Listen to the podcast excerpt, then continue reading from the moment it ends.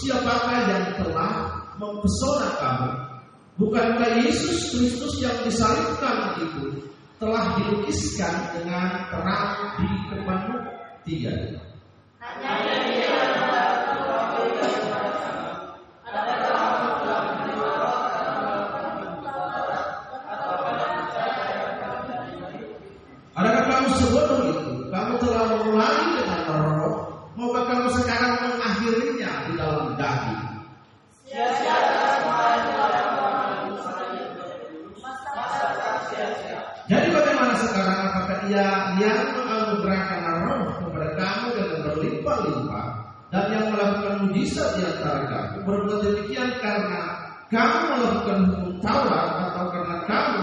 percaya kepada Injil sampai di situ Bapak Ibu Saudara yang diberkati berbahagialah kita yang mendengarkan firman di hari ini dan kemudian belajar untuk melakukannya.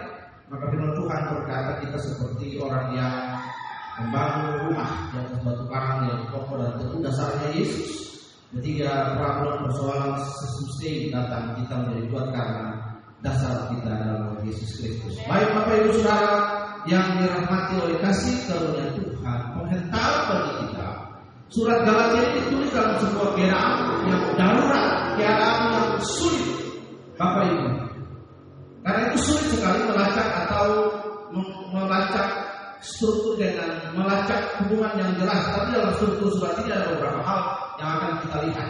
Yang pertama dalam ayat 1 1 sampai 5 itu ada greetings, ada salam sebuah ucapan ungkapan keakraban familiar greeting as the family members di situ Paulus mengenalkan diri di situ sebagai saudara, sebagai pastor, sebagai gembala, seorang pendiri jemaat kepada mereka lebih daripada itu.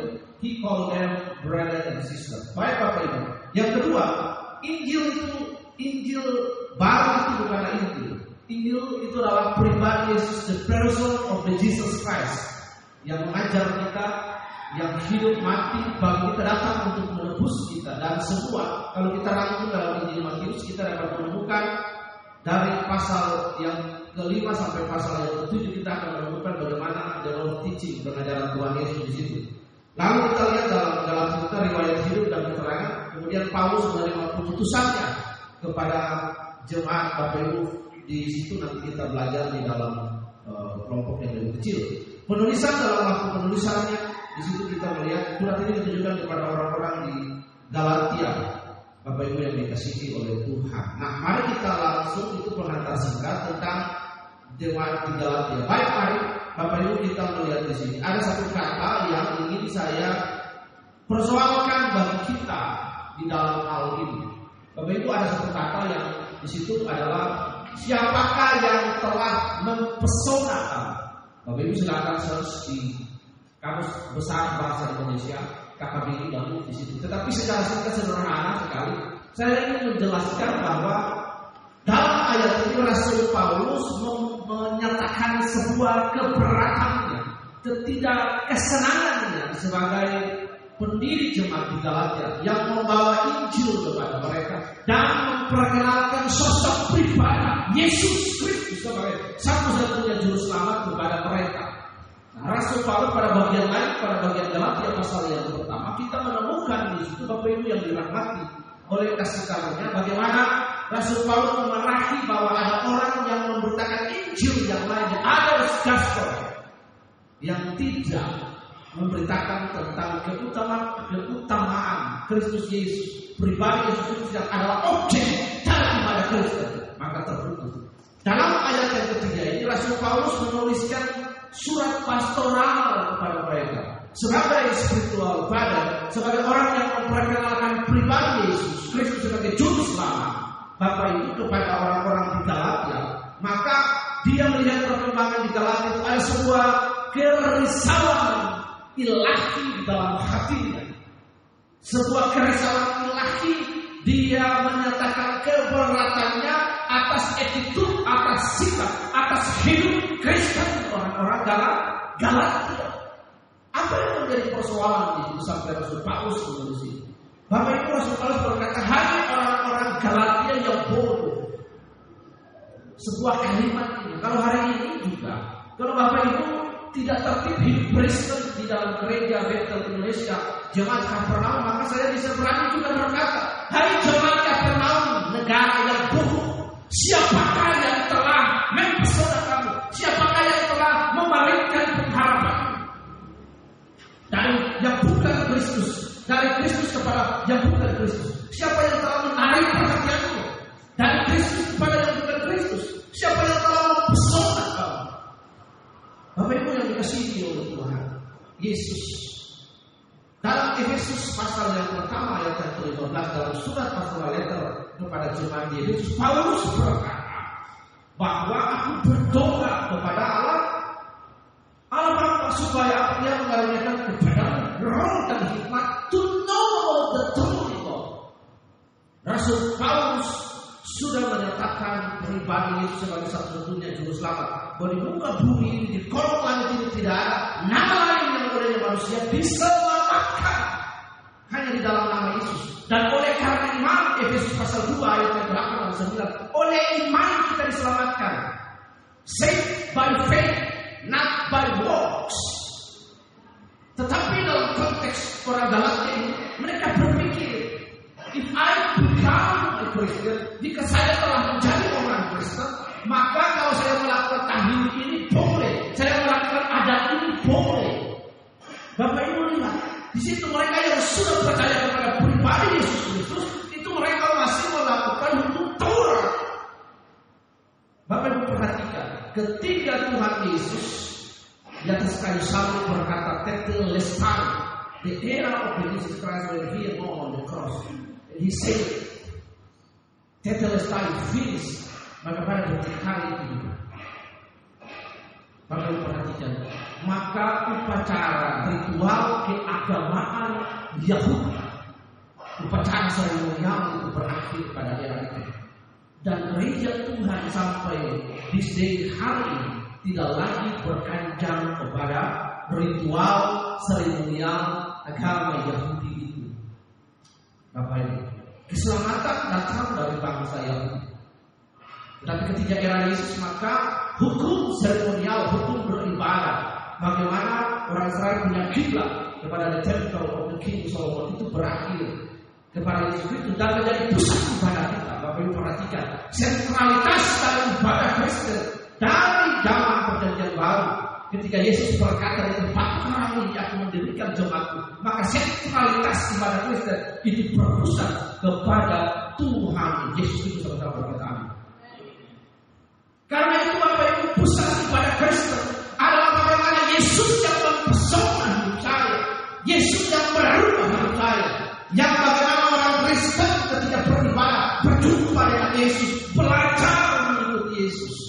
Is a very important thing. Karena itu pusat ibadah Kristen adalah the central life of Jesus Christ. Itu pusat objek ibadah. Ibadah Kristen tidak tergantung dari ruangan ini yang disetting di dekor wow, mewah enggak. Pemain musiknya bagus, pemain musiknya cantik ganteng, ruangannya ber no. Sepanjang abad semua itu hanya merupakan aksesoris. Saya bapak ini, bapak perhatikan artis, ada make up artis didandani dengan cantik sekali orang tersempurna, orang terpikat akan kecantikan, orang terpesona oleh BA, oleh tampilan, oleh profesor. Tetapi ketika mereka melihat aslinya, belum tentu mereka terpesona. Kalau anda lihat makeup makeup ada orang Thailand yang saya lihat di Facebook itu yang giginya ongkong, yang botak, lalu dia pasang giginya. Kan dia ongkong semua kan, ada itu dia pasang gigi palsu kemudian dia pakai rambut kemudian dia tertawa begini oh cantik sekali pak. Tapi kalau dia lepas gigi oh kok lepas itu dia botak semua. Iya. Jangan kita menjadi orang Kristen yang cosplay hanya player Kristen. Tampilan kita Kristen. Bapak Ibu yang dikasihi oleh Tuhan Yesus menjadi murid disciple didakir itu adalah kita mengikuti orang lain Follow the person of Jesus Christ. Follow Him. Learn from Him. Itu dia. Bapak Ibu yang dirahmati oleh Kristus Yesus. Jangan sampai di dalam dalam perjalanan kehidupan kita. There's the other person. Ada pribadi yang lain, entah itu manusia, entah itu pribadi siapa pun, benda apa pun, yang mempesona hidup kita, yang menarik perhatian kita daripada figur Yesus Kristus katakan Gembala pun yang berdepan, gembala pun yang berdiri, Anda tidak boleh terpesona, kagumlah, terpesonalah kepada pribadi Yesus yang menyelamatkan kita, yang menebus kita katakan Sebaik apa pun seorang pendeta, sebaik apa pun seorang gembala, Bapak Ibu perhatikan dia tidak boleh dipuji, disembah. Karena hanya Yesus dia melakukan pelayanan karena Yesus. Karena karena itu yang mempesona hidup kita dalam perjalanan hidup kita hanya Yesus. Ada seorang sungguh kau mempesona segala perbuatanmu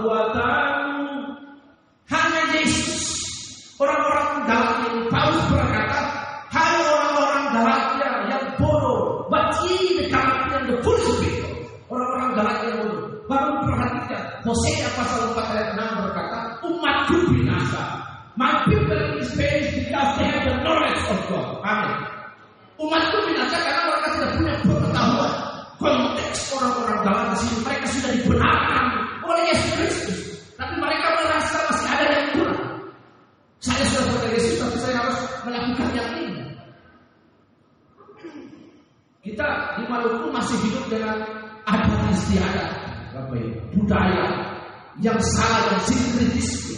Akhirnya ada sebuah sinergitas antara gereja dan adat. Ada itu sebuah sebuah pengertian adalah sebuah kumpulan hukum dari perilaku orang-orang yang harus kita berdoa kita ikuti selama ada itu baik kita ikuti. Tapi selama ada itu bersentuhan yang spiritis, roh yang yang saya lawan. Kita tolak itu. Ada yang dapat diverifikasi dengan firman Tuhan, kita ikuti. Bahasa, bukan saya contoh pelestari bahasa Lemalu. Bapak Ibu perhatikan dengan baik. Inilah yang mempesona. Karena itu dalam semua ibadah, dalam hidup Kristen kita, biar Tuhan Yesus yang utama. Tuhan Yesus yang utama, hanya Yesus. Sudah berapa belas tahun, hampir 10 tahun sekarang kita 11 atau 10 atau 11. Panti ini berdiri selalu memutar ketika orang berterima kasih kepada saya. Saya selalu jawab terima kasih Yesus. Amin. Itu real. Karena saya sadar saya bukan siapa-siapa. Saya hanya pelayan dari guru yang lalu. Setiap kali siapa pun anak-anak di tempat ini baik sahabat dan sahabat terima kasih kami. Not me, but Jesus Christ. Thank you Jesus Christ. Supaya Mazmur 115 itu digenapi. No nobis, no nobis, setua dan orang. Bukan kepada kami, bukan kepada kami. Tapi kepada Allah kemuliaan diberikan. Kami yang oleh muda untuk lima segala kemuliaan. Solid dia glory, katakan Bapak Ibu yang dikasihi oleh Tuhan. Mari kita lihat ada beberapa hal dalam pasal ini Rasul Paulus menegur orang-orang Galatia karena kebodohan mereka. Karena mereka membiarkan diri mereka ditarik jauh dari iman terhadap Injil. Siapa itu Injil? Pribadi Yesus. Roma berkata Injil adalah kekuatan Allah yang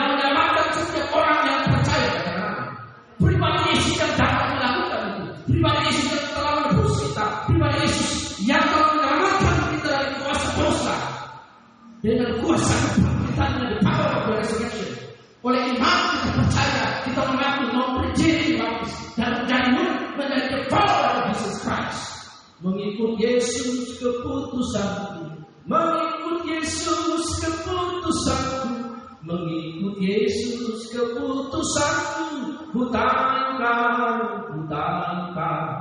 Meskipun beta susah menderita dalam dunia, beta mau iring Yesus sampai selama-lamanya. Bapak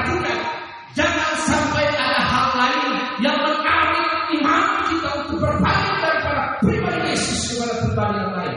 Nah, sering kali kalau hidup ini orang Kristen kan, they reaching for hell, wealth.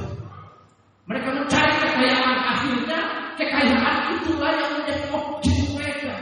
Bapak Ibu perhatikan ada pun ada hal lain entah pribadi, entah materi, things. Seringkali juga the luxury things. kita mencari sesuatu ada ada hal lain yang mengejar kita. Ke gunung tinggi naik naik mencari damai. Ke lembah jurang turun turun mencari damai.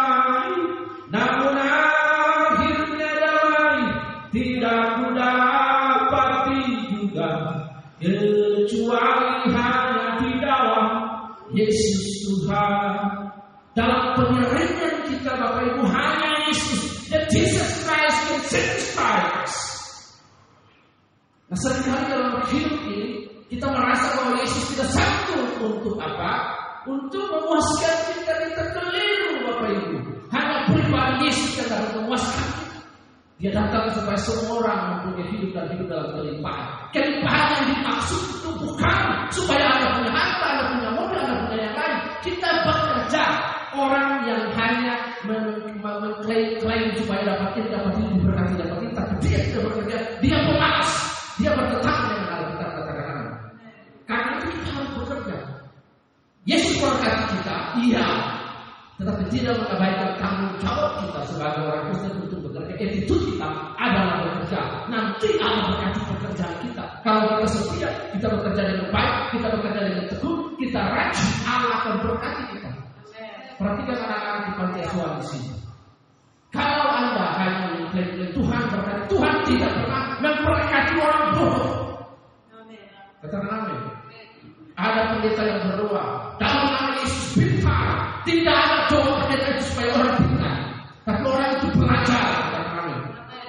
Kudus yang kurang kalau kita mau examination belajar SKS materi yang sudah diberikan oleh dosen oleh guru Tugas Roh Kudus nanti kita minta tolong Tuhan ingatkan saya akan pelajaran yang sudah saya pelajari, akan mata kuliah yang sudah saya pelajari. Ya, tapi kalau anda mahasiswa, anda siswa, mainnya hanya mobil legend saja. Lalu anda berdoa Tuhan berkati saya akan pelajaran saya pintar. Nah kalau mau yang diingatkan pelajaran itu apa? Kalau ada pelajaran mobil legend ya. Yang ada di otak belajar tidak pernah. Tapi kalau belajarnya baca SKS itu dengan baik ujian eksaminasi pasti lulus dengan baik. Amin? Nah ini yang penting bapak ibu. Kembali lagi di sini. Orang yang bodoh ini. Mari kita usahakan supaya kita tidak menjadi orang-orang yang bodoh. Kita belajar langsung 91 berkata ajarlah kami teach us the law Bagaimana untuk menghitung hari-hari supaya kita bijaksana dengan hidup ini. Amin. All of us been facing the pandemic COVID in this nation. So I encourage us.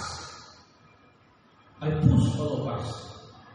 Bagaimana memiliki hati yang bijaksana. Benamkan diri kita dalam pembelajaran-pembelajaran Alkitab. Baca Alkitab dulu. Baca Alkitab merupakan fondasi kekristenan yang paling pokok. Orang-orang banyak lupa. Orang banyak lupa. Baca Alkitab doa tiap hari kalau mau. Baca Alkitab doa tiap hari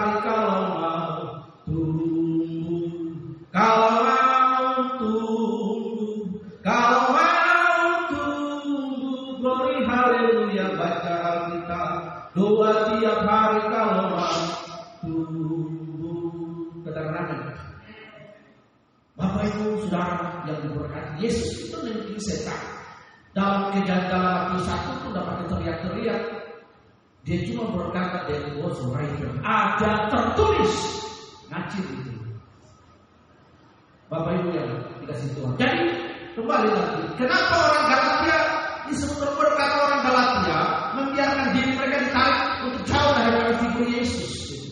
Bahwa kalau selamat itu tidak cukup harus melakukan hukum Torah. Selamat itu tidak cukup harus melakukan ini, harus melakukan alat, melakukan percaya kepada Allah, melakukan hal yang lain. Jadi selamat itu selamat dalam Yesus plus melakukan hukum Torah. Mereka merasa itu sudah lengkap. Bapak Ibu, hanya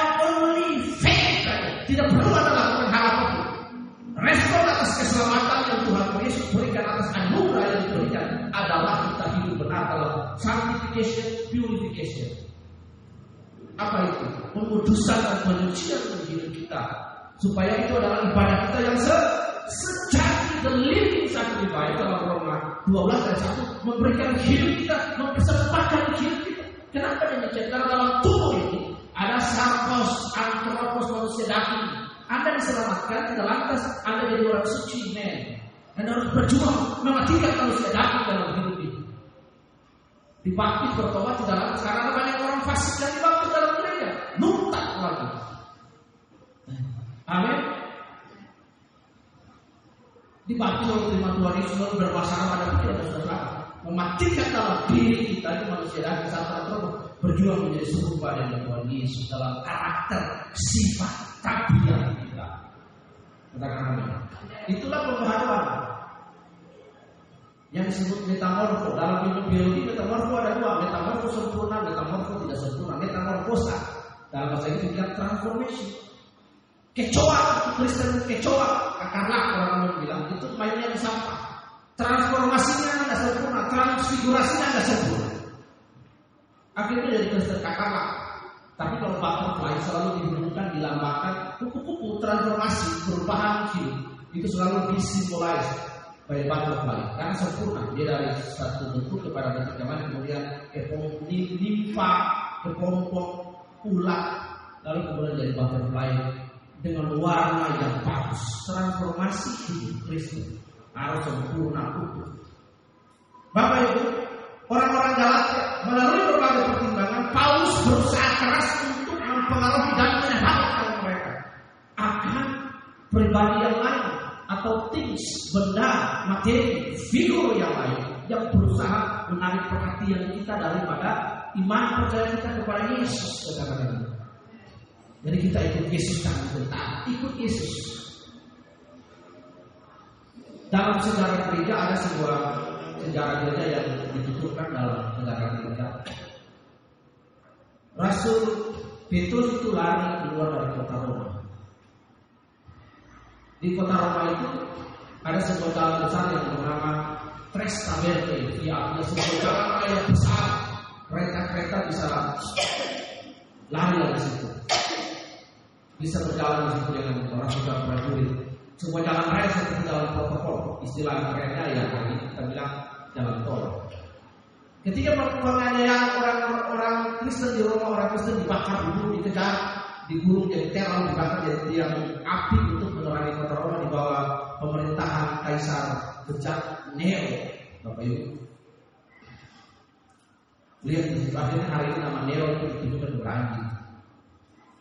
Perhatikan dengan baik. Rasul Petrus itu lari keluar. Karena dorongan jemaat sana untuk dia menyelamatkan diri. Dia sampai di dalam Avia Trestabel itu dia berjumpa dengan teori Yesus Kristus. Yesus Kristus. Dalam berupa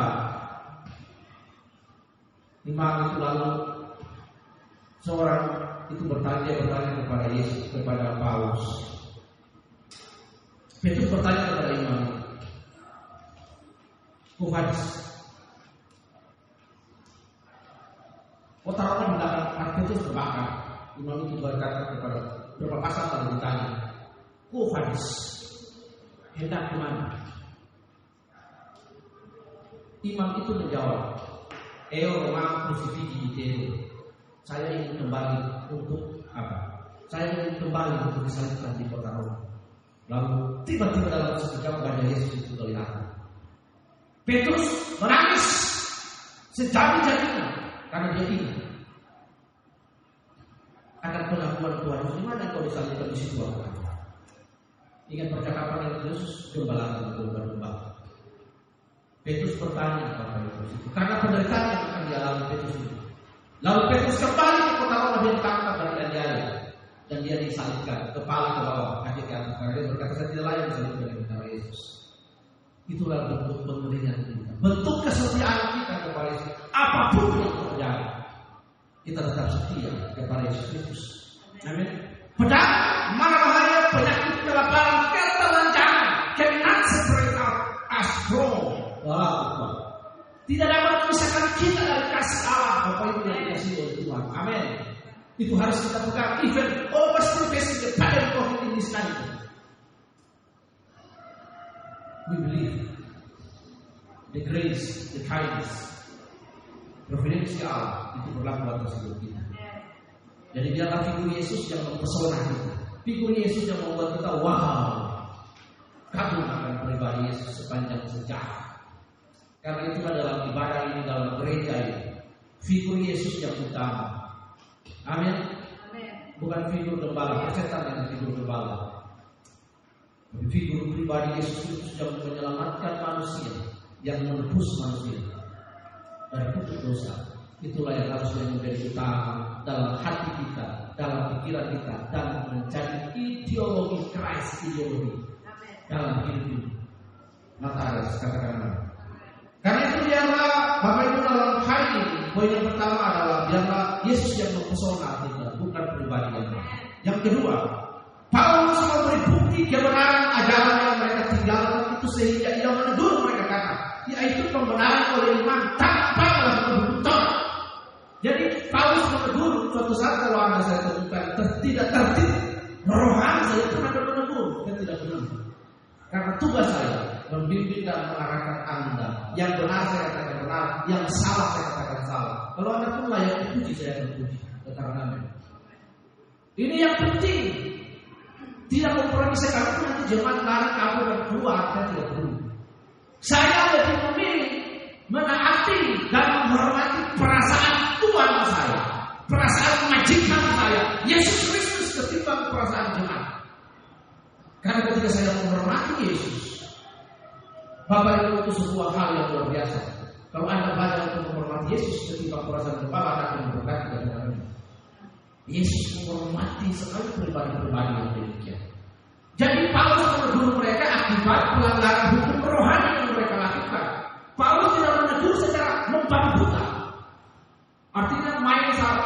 sedikit itu salah benar karena Paulus langsung mencontohkan seperti itu. Paulus kasih tahu mereka bahwa ajaran yang mereka sedang lakukan itu salah. Paulus kasih tahu kepada mereka jika kamu sudah diselamatkan oleh Yesus dengan iman itu contoh katakan amin. Di dalam Efesus pasal 2 ayat yang telah pernah sembilan kita diselamatkan oleh iman. Amin. Bukan oleh perbuatan manusia. Saved by faith not works. Tidak ada manusia yang kudus di dunia ini. Bapak perhatikan. Kalau menurut konteks agama lain, ada yang ada di dalam orang suci. Orang itu disucikan oleh ritual oleh manusia yang lain. Tapi pembenaran adalah pembenaran yang oleh Yesus Kristus. Jadi kita percaya mengaku dan terima Yesus, memberi diri, hidup dalam kelahiran baru.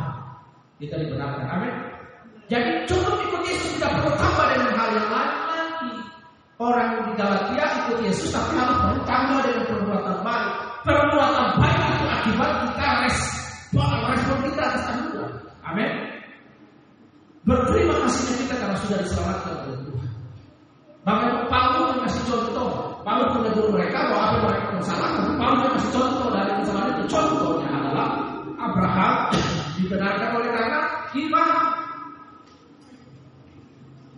Bapak Ibu di sini kita melihat kesaksian langsung dari perjanjian lama tidak ada orang yang dibenarkan karena hukum Tuhan.